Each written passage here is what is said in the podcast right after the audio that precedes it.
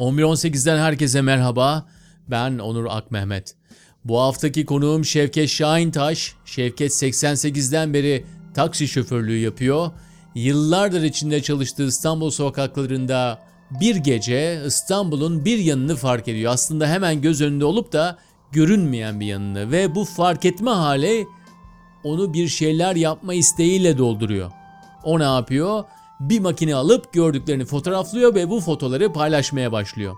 Geceleri takside çalışırken bir yandan da gece yaşamını çekiyor. Uyarıcı kullananlar, kağıt toplayıcıları, travestiler, hayat kadınları, sokak çocukları giriyor kadrajına. Yıllar içindeki bu fotoğrafları da şimdi söyleşimizi dinlerken şevketşahintaş.com adresinden görebilirsiniz. Şevket sonra 2009'da İstanbul'da Gecenin Öteki Yüzü The Other Side of the Night isimli ilk sergisini gerçekleştiriyor ve fotoğrafları ve ismi hızla yayılıyor. Türkiye'de ve yurt dışında birçok dergi ve gazetede röportajları ve fotoğrafları yayınlanıyor ve hatta Şevket'in fotoğrafa başlama hikayesini konu alan sinema belgeseli Herkes Uyurken 2010'da Uluslararası Antalya Altın Portakal Film Festivali'nde en iyi ilk belgesel ödülünü alıyor. Şevket sokakta gördüklerine odaklanırken başka gözler de Şevket'e odaklanıyor. Sokaklarda ne görüyor Şevket? Hangi dürtüyle hareket ediyor? Bunları konuştuk onunla ve tabii onu o fotoğrafa başlatan o geceye döndük ve onda yer eden başka kilit anları da konuşma imkanı bulduk. Buyurun dinlemeye ediyorum. Hoş geldin. İyi ki buradasın Şevket. Ee, hoş bulduk Onur. Teşekkür ederim. 11-18 stüdyolarında seni ağırlamak bizim için bir keyif. Bugün bir pazartesi öğleden sonrası bir araya geldik. Diyorlar ki bana ilk sorularında Onur her zaman damardan giriyorsun. Biraz yavaş yavaş alıştır.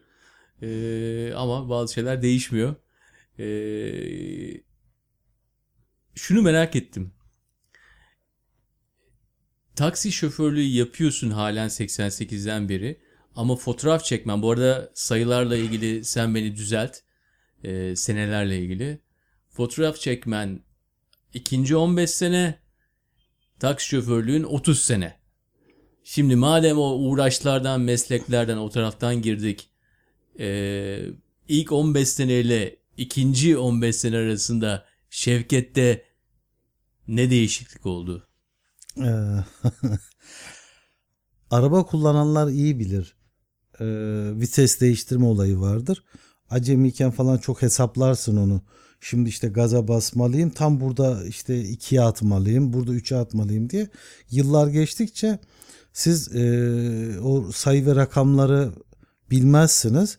E, beyin de komut bile vermez elinize, ayaklarınıza. E, bir robot gibi kendiniz yaparsınız. Yani e, o çok daha yani a- alışılmış bir süreçtir artık. E, normal marşa basarsınız ve hiç beyniniz size e, hükmetmeden neredeyse o aracı kullanırsınız. Otomatiğe bağlamışsınızdır artık. E, işte senin o sözlerinden sonra düşündüm. Evet ben de e, fotoğraf arabada makina bu hale gelmiş galiba. E, bir kareyi bir şeyi gördüğümde araba kullandığım gibi elim makineye gidiyor ve alıp çekip veya çekemeyip çünkü İstanbul trafiğindeyim. Ee, her zaman çekemiyorsunuz. Önüne bir araba gele, gelebiliyor çekmek istediğiniz herhangi bir nesnenin veya insanın önüne. Ee, veya trafik akışı hızlı olduğu zaman çekemiyorsunuz. Ama çekip koyup veya çekemeyip koyup e, yoluma devam ediyorum. E, Biraz evet öyle bir etkisi oldu fotoğraf. Çekip veya çekemeyip. Tabii bazen çekemiyorsunuz. Çünkü arabanın içinden çekiyorum bu e, taksilik yaptığım süreç içerisinde makine arabada ve arabada çekiyorum. Bazen çekemediğim oluyor tabii. Çünkü alıyorum makineyi ama ya çekeceğim insan yol değiştirmiş oluyor ben onunla yak- yaklaşırken ya benim e, gördüğüm pozisyondan başka bir pozisyona geçiyor. E, o zaman da çekemiyorum ve makineyi yerine koyuyorum ama beyin artık e, hem yolu hem vitesleri, debriyajı e, hem de o görsel fotoğraf e, gözünü e, kendiliğinden yönetiyor galiba. Pek ben artık müdahale etmiyorum. Fotoğrafta da arabada da. O nokta gerçekten güzel bir nokta artık yani. Beyninin sana e, müdahale etmediği an gibi bir şey yani. Ellerin beyninin üzerine çıkmış oluyor. Gözlerin beyninin üzerine çıkmış oluyor. E, birkaç tane şey sorusu sormak isterim sana. Yani nerede dolaşıyorsun? E, ticaride olduğun zaman nerede dolaşıyorsun? E, mekanları bize söyleyebilir misin? Mahalleleri söyleyebilir misin? Benim de kafamda görselleştirmemiş. Ee, nerede dolaşıyorsun derken takside mi? Evet. Ya takside müşterinin istediği yerlerde dolaşıyorum. Evet ama genelde nereleri tercih ediyorsun? Tercih de yok. Ticari açıdan mesela neresi Yok, daha yok şey? o da yok. Ee, o da yok. Ee, şu an ben yıllarca gece çalıştıktan sonra şu an gündüzde çalıştığım için durağım Etiler'de e, Boğaziçi taksideyim ben. Ee, gündüz oradayım zaten. Ee, ve atıyorum oradan bir müşteri e, Taksim'e geldi. Ee, Taksim'den müşteri nereye çıkarsa oraya gidiyorsun. O yüzden e, taksicilik yaparken bir seçicilik yok ama yönünüz tekrar Etiler'e doğru oluyor eğer e, sorunun cevabı bu olursa. Taksim'den bir dönüşüm olacaksa Etiler'e doğru oluyor durağıma doğru. Ama o sırada e, çıkan müşteri nereye giderse oraya gidiyorum. O zaman iki köprü arasında dediğim benim işte Ortaköy ayağıyla Rumeli Hisarı ayağı arasında bir hayat var. Ee, zengin de bir hayat, güzel de bir hayat kendi çapında. Ama aynı zamanda sokaklarda da ayrı bir hayat var. Sokak dediğimiz zaman da hepsi sokak esaslı ama sokak dediğimiz zaman ayrı bir gerçeklikten bahsediyoruz. Ayrı ayrı mahallelerden bahsediyoruz. Ki sen bunları da e, seven bir insansın. Hem fotoğraflayan hem de seven bir insansın. Ve şu tabiri kullanıyorsun mesela. Gerçek diyorsun.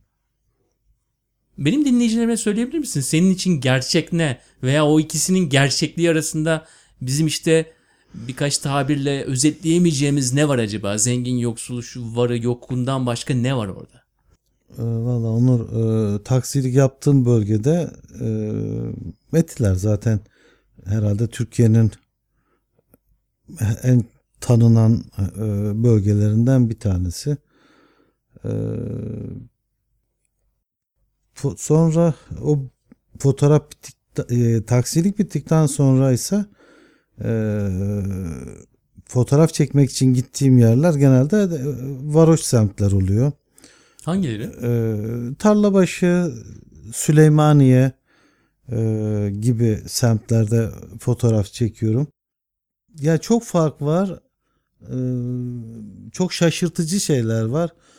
Geçen bir geçtiğimiz hafta iki hafta önceydi. Ee, Pazar günleri bu ara fotoğraf eğitimi dersi veriyorum. Sokak fotoğraf eğitimi. Ee, şu anda da tarla başında geziyoruz. Çektiğimiz sinema belgeseli var. Belki gireriz sonra konusuna. Ona parası ona aktarılıyor. Orada fotoğraf çekiyoruz. Galiba o hafta 13 kişiydik. 10'ar lirada para topladık aramızda. Oradaki çocuklara meyve suyu falan alırız diye. Bir şeyler alırız diye. Bir koli meyve suyu aldık bakkaldan orada. Çocuklar geldiler. e, Birer tane dağıttık. Bir 7-8 tane arttı. Onur yani çok şaşırmıştım. Çocuklar sıraya girdi. Ee, hani fakir çocuklar ama hiçbir tanesi iki tane alayım derdine düşmemişti. Sonra biz tabii kim aldı kim almadı bilmiyoruz. Çok çocuk var. İşte önümüze gelene diyoruz ki sen aldın mı meyve suyu? Bak meyve suyu al. Ben aldım diyor almayan birine verin diyor. Öbürü öyle öbürü öyle elimizde kaldı meyve suları. Ve hiçbir tanesi ikinciyi almadı. Ee, biz çok duygulandık. Çok ben hala e, inanılmaz etkisinde kaldım. Hani e, fakirlik ve fakir olan o çocuklar ki bir tanesi e, bizle beraber şimdi fotoğraf çekiyor. Bir fotoğraf makinesi verdik çocuğa. E, yani mahalleyi anlaman için söylüyorum. İki çocuğa fotoğraf makinesi verdik. Kullanılmış bir makinaydı ama e, bizim gruba dahil ettik. Hafta sonları gezilerimiz onlar da katılıyor. Bizle birlikte fotoğraf çekiyorlar. E, 12'li yaşlarda bir kız bir erkek çocuğu. Bu hafta e, çocuk geldi bir tanesi işte bana geldi dedi hocam dedi ben dedi gitmem lazım dedi kusura bakmayın dedi E, nereye gideceksin dedim. Su satmam lazım dedi. Hani böyle fakir bir mahalle. Ama bu çocuklar ikinci meyve suyunu almıyor. E, çok e, garip hayatlar. Evet işte iki dünya arasında gidip geliyorsun. Etiler ve e, Dolapdır, Etiler Tarlabaşı, e, Etiler Süleymaniye ben Suriyelilere de çalıştım. E, işte bildiğin gibi gece sokakta yaşayan insanları çekmiştim 6 sene. Genelde bu tür hayatları çekiyorum. Etiler'de görüp Etiler'de yaşayıp bu tarafa geldiğinizde tabi birbiriyle çok farklı hayatlar var. Diğerini hiç anlatmadın ama. Diğeri Etiler mi? Evet. Yani Etiler'de e, çok farklı bir yer değil ki Etiler'de diğer taraflardan. Hani aslında bir e, varoş semtinden de çok farklı değil bütçe dışında. Evet e, durumları sadece iyi ama iyi kötü hep aynı biliyorsun. İyi semtin de iyi kötüsü var, kötü semtin de iyi kötüsü var. Etiler'de bazen fotoğraf çekiyorum. E, çok zengin bir kadın belli, yaşlı e, ve kedi yediriyor. Dolapdere'ye giriyorsun, e, tarla başına giriyorsun. Üstü başı e, perişan halde yaşlı bir kadın gene kedi yediriyor. Yani sadece bütçeler farklı. Yürekler aslında bir- çoğu gibi aynı diye düşünüyorum. E, hiç kimse zengin diye kötü değil, hiç kimse fakir diye kötü değil veya iyi değil, tersi de değil. Sen nerede büyüdün ve e, tabii mekanı sormamın nedeni de esas biraz etrafa baktığın zaman e, o zamanlarda ileride hani benim fotoğrafçı gözüm dediğin e, o gözün e, oluşma şekillerini şimdi mesela şimdi geriye döndüğüm baktığın zaman görebiliyor musun? Yani ben 38 yaşında fotoğrafa başladım. Ee, öncesinde fotoğraf makinesiyle ilgili e, hiçbir bilgim yoktu. Oradan geriye döndüğümde e, iki tane şey hatırlıyorum. E, iki kare aklımda beynimde kalan fotoğraf makinem olsa çekerdim dediğim iki kare vardı. Bir tanesi Aksaray'da yaşlı bir kadın oldukça yaşlı yani 65-70 yaşlarında bir kadın sırtında gene gövdesi oldukça yük- büyük olan yani yaşı da büyük olan bir çocukla yani ada, e, dileniyordu sırtında. Herhalde yürüyemiyordu o adam. Oğlu gibi hissettim. Oğlu de herhalde. Ama oğlu dediğim de böyle 10'lu yaşlarda değil. Yani 30'lu yaşlarda. Engelliydi herhalde. Yani takside görebildiğim kadarıyla dileniyor ayakta kadın ama sırtında o yükü normal şartlarda ben taşıyamam ve çok e, kısa bir mesafe taşırım. O çok beynime yer etmişti. Hani fotoğraf makinem olsa çekerdim demiştim. Ama hiç hayatımda fotoğraf makinesi olup çekme, çekmediğim dönemlerde. Ee, 4 Levent'te o şimdi aklıma geldi. Ee, o örnek yoktu şu ilk sorduğunda. 4 Levent'te bir tane e, adam görmüştüm. Ee, kağıt toplayıcı gibi bir şeydi. Çöpten bir şey almış yiyordu. Ee, ve normal şartlarda o çocuk hani şöyle bir giydirsen e, kızların dönüp dönüp bakacağı tipte e, bir çocuktu. O da beni çok etkilemişti. Yani e, insanların bazı hepimizin kabul edebileceği, ettiği e, şanssız doğumlar var. E, yani beni tırnak içinde diğer insanlardan fotoğraf haricinde üstün kılan babamın işte bir plakasının olması ve benim o plakada çalışıyor olmam. Ama diğer e, o çocuk babasında e, plaka yok ve e, tabii hangi şartlarda oraya getirdi ve çöpten bir şey yiyordu. O yüzden ben normal şartlarda sanki toplumda ondan üstün gibisin. Ben onu çok e, irdeler ve üzülürüm böyle bir şeye. Hiç kimse aynı e, hayat çizgisinde başlamıyor ve biri birinden hep daha iyi durumda. E, Bu tabii babamla benim aramdaki örnek. E, kimi de fabrikatör çocuğu olarak doğuyor ve o benden çok üstün oluyor. Taksiye bindiğinde e, daha bir e, bana e, şey tabiriyle taksici muamelesi yapabiliyor ama işte ben o adamdan üstünlüğüm babamın bana verdiği bir plaka. Onun benden üstünlüğü babasının ona verdiği bir fabrika veya ona benzer bir mal varlığı.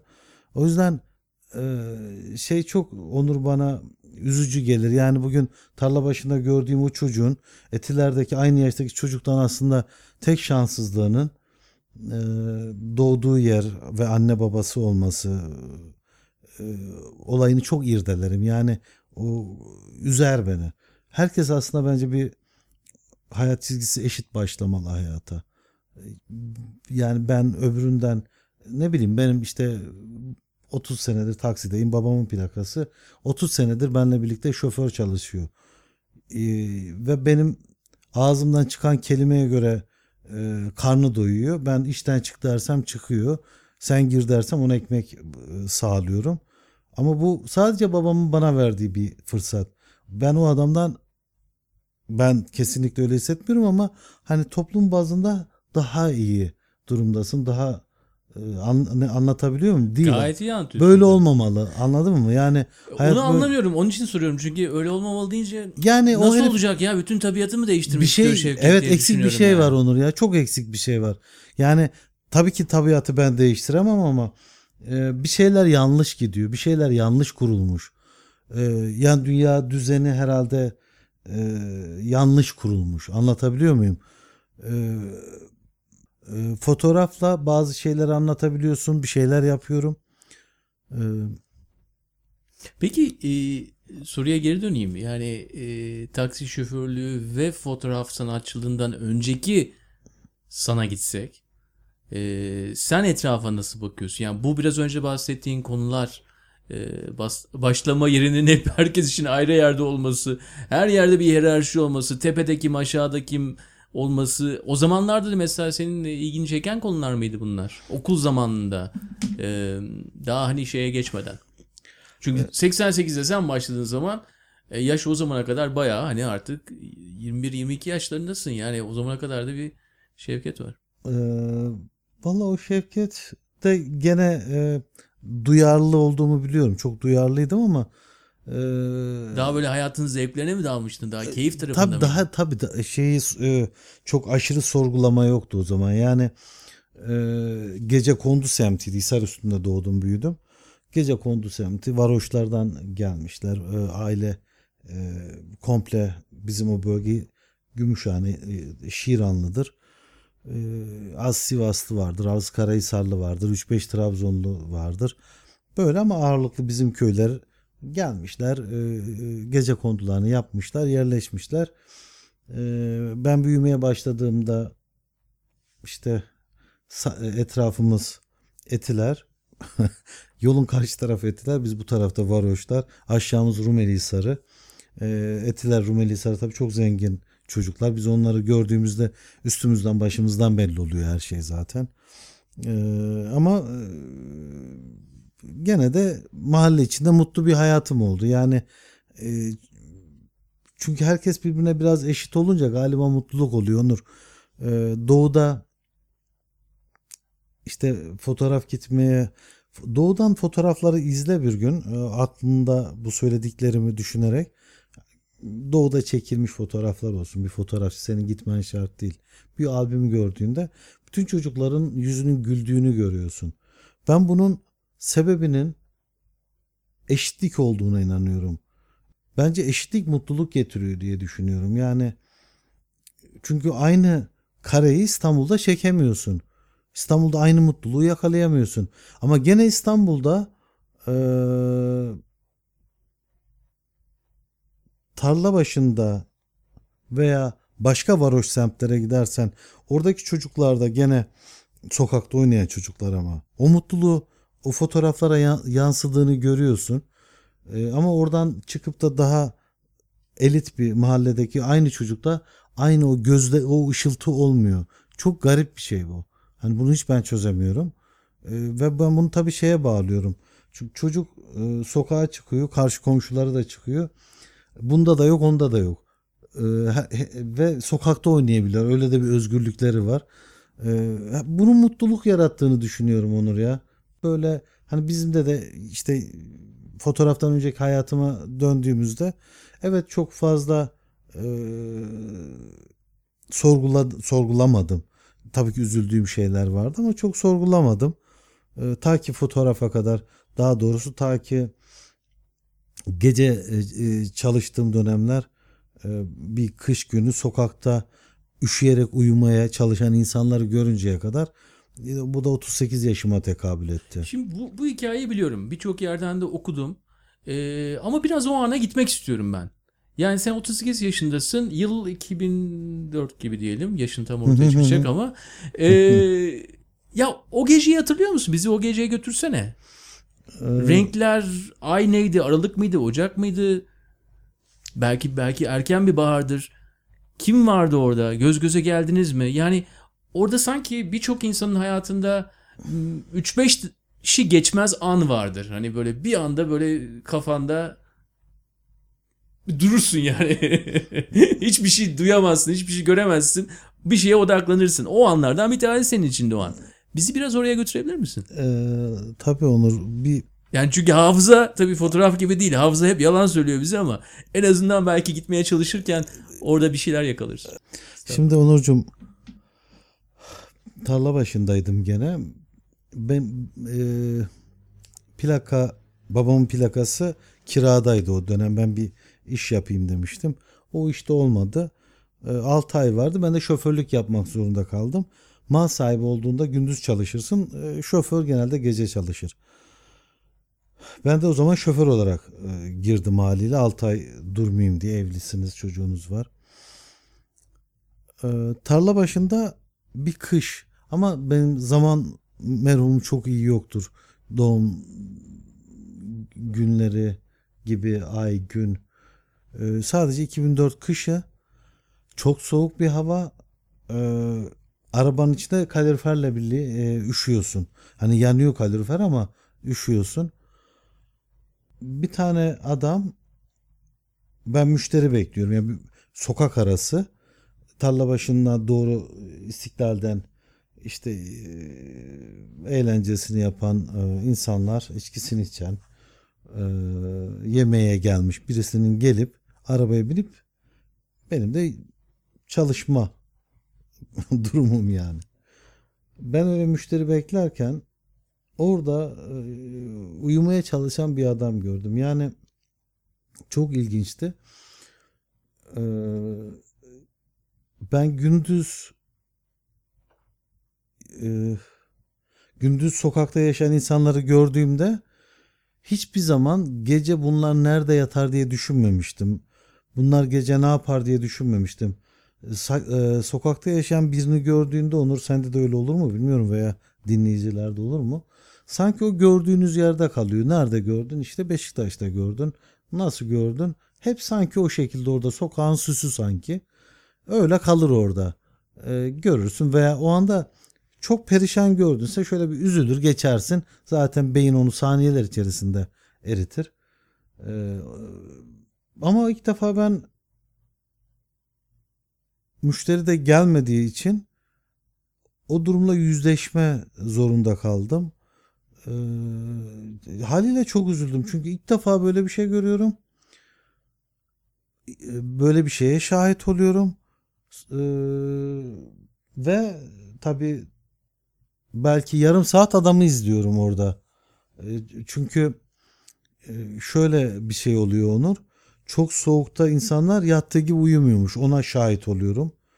Ee, hareket etmek zorunda kalıyor ikide bir. Şeklini değiştiriyor. Of. O çok etkiledi beni. Yani ben normalde de bir çizgi filmde mesela Heidi büyük babasından ayrılır. Ben kendime gelemem. Yani çok üzülürüm. Ee, çizgi filmlerden etkilenirim yani düşün. E, o da çok etkiledi beni. Yani ne yapabilirim diye düşündüm. Ee, sonra aklıma fotoğraf geldi. Dedim e, şey e, daha önce bunların hiç fotoğrafının görme e, fotoğraflarını görmediğimi düşündüm. Bir sinema filminde falan bunun işlenmediğini gördüm ve bunların evet gecesinin nasıl olduğunu insanların bilmediğini e, anladım. E, insanlar görmemişti. Bu, bu insanlar sokakta e, kışın nasıl yatıyorlar, ne yapıyorlar, e, ne çekiyorlar bu bilinmiyordu. Orada bir tane müşterim vardı. Böyle arada denk gelirdi bana. Ee, hep aynı sokakta dururdum. O da hep gelirdi bir bar işletiyordu. Fotoğrafçılık okumuştu. Ona söylemiştim bir makine almak istiyorum diye. Ee, o da söylemişti. Gittim aldım makinayı. Ee, basit kompakt mak- makinaydı. 5.6 çözünürlüğü şu andaki cep telefonları bile daha iyi durumda. Onu aldım kot pantolonumun ön cebine sığıyordu düşün. Ee, ve fotoğraflamaya başladım ama e, tabii eğitim de yok. Kadraj bilmiyorum. Sonra Fotokritik diye bir site vardı. O zaman tek siteydi. Fotoğrafçılık sitesi böyle Facebook'lar falan yok. Ee, orada yüklemeye başladım fotoğrafları. Birinci, ikinci, üçüncü fotoğraftan sonra e, garip bir şekilde fotoğrafları gören insanlar çok ilgilenmeye başladılar. Yani e, çektiğim fotoğrafların belgesel fotoğrafçılık olduğunu da bilmiyordum o dönem. Fotokritikle birlikte tabii tanınırlık oldu. E, böyle, işte böyle gitti Onur. Şimdi olayı ben biraz daha görselleştireyim. Yani sen şu anda e, akşamları fotoğraf çekiyorsun. Yok şu an çekmiyorum. Şu an gündüz e, Şu an gündüz fotoğraf Yok, çekiyorsun. 6 sene gündüz, e, gece çektim. Ama şu an sinema belgeseli için gece çekimler yapıyoruz Ha, gece gene. çekimler Ama yapıyorsun. gene fotoğrafta çekiyorum. Sinema belgeseli çekiyoruz. Şu anda sokağın çocukları diye genel bir adlandırdık ama e, bu e, daha sonra gerçek ismini bulacağız. Peki ne açıklama yapıyorsun insanlara? Neden beni çekiyorsun? Hop ne oluyor orada? Yani böyle devamlı veya karşı karşıya kaldı mı sana saldırıldığı oldu mu veya nasıl ne tür açıklamalarla kendini anlatıyorsun? Ya genelde onun şey tabii e, yaşadığımız çok tatsız olaylar oluyor. Olmaz olur mu? Sen e, Dolapdere'de çekiyorsun fotoğraf. Gündüzü de do- yani gecesini sokakta e, tarlabaşı e, gibi yerlerde çekiyorsun. Gündüz gene Dolapdere'de tarla başında çekiyorsun. Yani o bölgelere girip de bir tatsızlık yaşamak tabii ki olmaz. E, yaşıyorsun ufak tefek. Ama e, genelde e, ikili ilişkilerim iyi ya da şanslıyım. E, yani veya ikisi bir arada e, götürüyorum. E, Şimdiye kadar böyle gitti. Ama e, hani keyifli değil. Çünkü hani bir dağa çıkıp güneşin batışını çekmiyorsun. Onur yani e, veya e, bir sürü fotoğrafçı bir otobüse binip işte hadi yedi gölleri çekeceğiz deyip yol boyunca sohbet orada çok güzel keyif ve dönüp gelip e, çok güzel gene fotoğraflar ki bu eleştiri değil kesinlikle bir eleştiri olarak bunu söylemiyorum. Ama ben belgesel fotoğrafçıyım. Seçimim bu yüzden. O yüzden de ağlamamalıyım yani. E, onlar onu çekiyor ben bunu değil yani. Herkes e, seçeneğini çekiyor. E, Benim seçeneğim e, hayatımda artık 50'yi de geçtik. Ne kadar süre kaldı belli değil. Eğer bir zamanım varsa e, yanlış giden bir şeyleri düzeltmek için zaman harcamalıyım diye düşünüyorum. Öncesinde de öyle düşünüyordum. 38 yaşında da öyle düşündüm. Şimdi de öyle düşünüyorum. Yani ülkede yanlış giden bir şeyler var. Elimde de fotoğraf makinesi gibi çok mükemmel bir silah var. Ee, ne göstermek istersen makine sana onu gösteriyor veya topluma bunu gösteriyor. Ee, ben de böyle yanlışlıklar var deyip onları göstermek istiyorum. Bu benim tercihim. Zaman ruhunu okuyabilen bir insansın. Yani bastığın anda onu okuyorsun, onu gösteriyorsun bize. Senin gözünle gösteriyorsun. Ee, taksine binen bir sürü insan hızlı hızlı bir yerlere yetişmeye çalışıyorlar. Ee, sokakta gördüğün kendi etrafındaki insanlara zaten baktığın zaman o zamana karşı yarış, iş dünyasının e, her saatin getirdiğinin zamanla azalması, yaptığımız emekle onun getirisi arasındaki oranın değişmesi. O sürat içerisinde değişen bize baktığın zaman ne görüyorsun? Valla e, Onur yani insanlar çok değişmedi. Belki de daha da duyarlı oldu 10 seneye göre sokaktaki hayvanlara baktığında vejeteryan oranına baktığında kızımdan sonra onu da gördüm. Ee, biz daha duyarlıyız belki ama e, yani beni üzen ne dersen hani bu süreçte e, taksicisin dediğinde şöyle bir şey var e, Onur. Hani İstanbul'un tecavüze uğraması beni çok üzüyor. Ben çünkü İstanbul'a aşığı bir adamım. Doğma büyüme Rumeli Hisar üstünde doğdum. Rumeli Hisarı'nda e, denize girerdik. Bir nevi boğaz çocuğuyum. Çok az üstünde de olsa. E, korkunç bir tecavüz var İstanbul'a.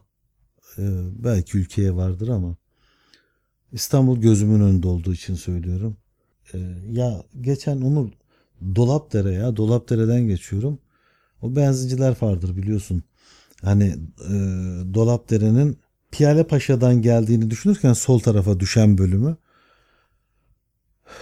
koca koca binalar yapılmış. Yapılıyor. Oysa ben oradan geçerken arka tarafta eski İstanbul'u görüyordum. Hani eski yapılar işte Ermenilerin, Rumların yaptığı o yapıları e, yapı dediğimde iki katlı üç katlı evler yani e, onları görüyordum ve çok mutlu olarak geçiyordum oradan. Onları da kestiler artık yani e, Dolapdere'ye modern bina yapılmaz Onur ya. Ya bunu bunu anlamak için taksici mi olmak lazım? Yani hani tersten vurma vardır ya fotoğraftaki gibi. Ya bir taksici bile bunun böyle olmayacağını biliyor Onur. Yani bu o dokuyu alamazsın orada ya. Sen o dokuyu orada alamazsın. Ee, o tarihi e, yüzlerce yıla dayanan ya ille de yapacaksan, ille de soyacaksan bari onu o öbür dokuya uydur onu. Yani e, taş yapıyla yap, bir şey yap da ya böyle camdan binalar yapıldı şimdi oralara. Gördüğün her arazinin, her yeşilliğin e, gözünün önünde bittiğini e, ne şahit oluyorsun. E, ya koşmak istiyorsun bazen yani kaçayım diyorsun e, bu şehirden. E, arabayla değil böyle koşarak. Ve hiçbir şey yapamıyorsun. Bu da şöyle e, bir şey getiriyor. Yıllar önce bizim bir komşumuz vardı Hidayet abi. Babası ölüyordu. Babama şey demişti. Hakkı demişti. Baban ölüyor ve hiçbir şey yapamıyorsun. Hani gözünün önünde. İstanbul öyle. Hani gözünün önünde ölüyor ve hiçbir şey yapamıyorsun. O adamın e, babasına olan o ölümüne çaresizlik gibi bir çaresizlik hissediyorum. Üzüyor beni Onur yani üzülüyorum. Vicdanı, duygusallığı, e, estetik anlayışından e, insan sevgisine e, taşıyabilmiş bir insansın. E, iyi ki buradasın Şevket. Sağ ol bizimle olduğun için. ben de e, iyi ki buradayım. Galiba biraz terapi gibi oldu bana. E, insanlar çok para veriyorlar böyle rahatlamak için konuşuyorlar. E, bedavaya yaptık bu işi. Ee, iyi oldu. Onur. Tekrar gel yine yaparız. Film e, bitmeye yakın veya bittikten sonra e, tekrar gelir belki analizini yaparız. Tamamdır anlaştık. Anlaştık. Şevket gitmeden biraz önce dinlediniz. İlginç bir görsel verdi bizlere.